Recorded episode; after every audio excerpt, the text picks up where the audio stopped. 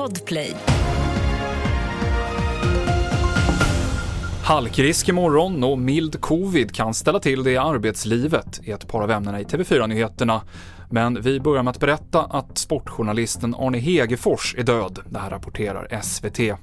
Den folkkära kommentatorn hördes i etern under flera decennier, först på SVT och sen på Kanal+. Arne Hegerfors blev 81 år. Även mild covid kan ge långvariga effekter på hjärnan.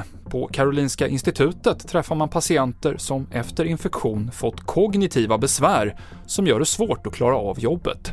Det är ju en konsekvens alltså, att man kan inte, det är grus i maskineriet kan man säga. Det funkar inte. Och processhastigheten och sådana saker, det är ju då man kan vara tvingad liksom att gå tillbaka till metodboken eller till instruktionsboken. Man klarar inte av Eh, och läsa mejl, man klarar inte av och det funkar inte med datorn och, och sådana saker. Vi, vi, ser ofta då läkare, psykologer och folk, lärare och så som då har verkligen behov av att ha de här funktionerna intakta för att kunna jobba. Överläkare och professor Christian Borg. Det kan bli halt på vägarna i Mellansverige imorgon. SMHI flaggar för plötslig ishalka när regn faller på kalla vägbanor. Den här varningen omfattar delar av Värmland, Västmanland och Dalarna och södra Gävleborgs län. Och enligt en ny rapport från branschorganisationen Svensk Handel blir det allt mer populärt att handla begagnat. Var tredje konsument köpte second hand-prylar i december till ett värde av en miljard kronor. Och nu kommer det krav på att momsen för sådana varor ska slopas, inte minst för miljöns skull.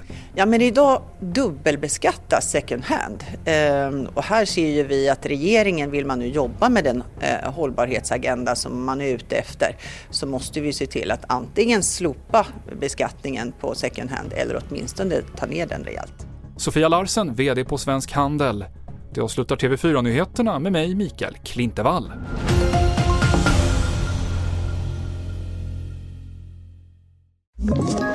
Ett poddtips från Podplay.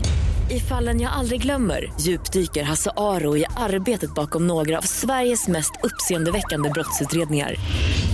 Går vi in med hemlig telefonavlyssning och, och då upplever vi att vi får en total förändring av hans beteende. Vad är det som händer nu? Vem är det som läcker? Och så säger han att jag är kriminell, jag har varit kriminell i hela mitt liv men att mörda ett barn, där går min gräns. Nya säsongen av Fallen jag aldrig glömmer på Podplay.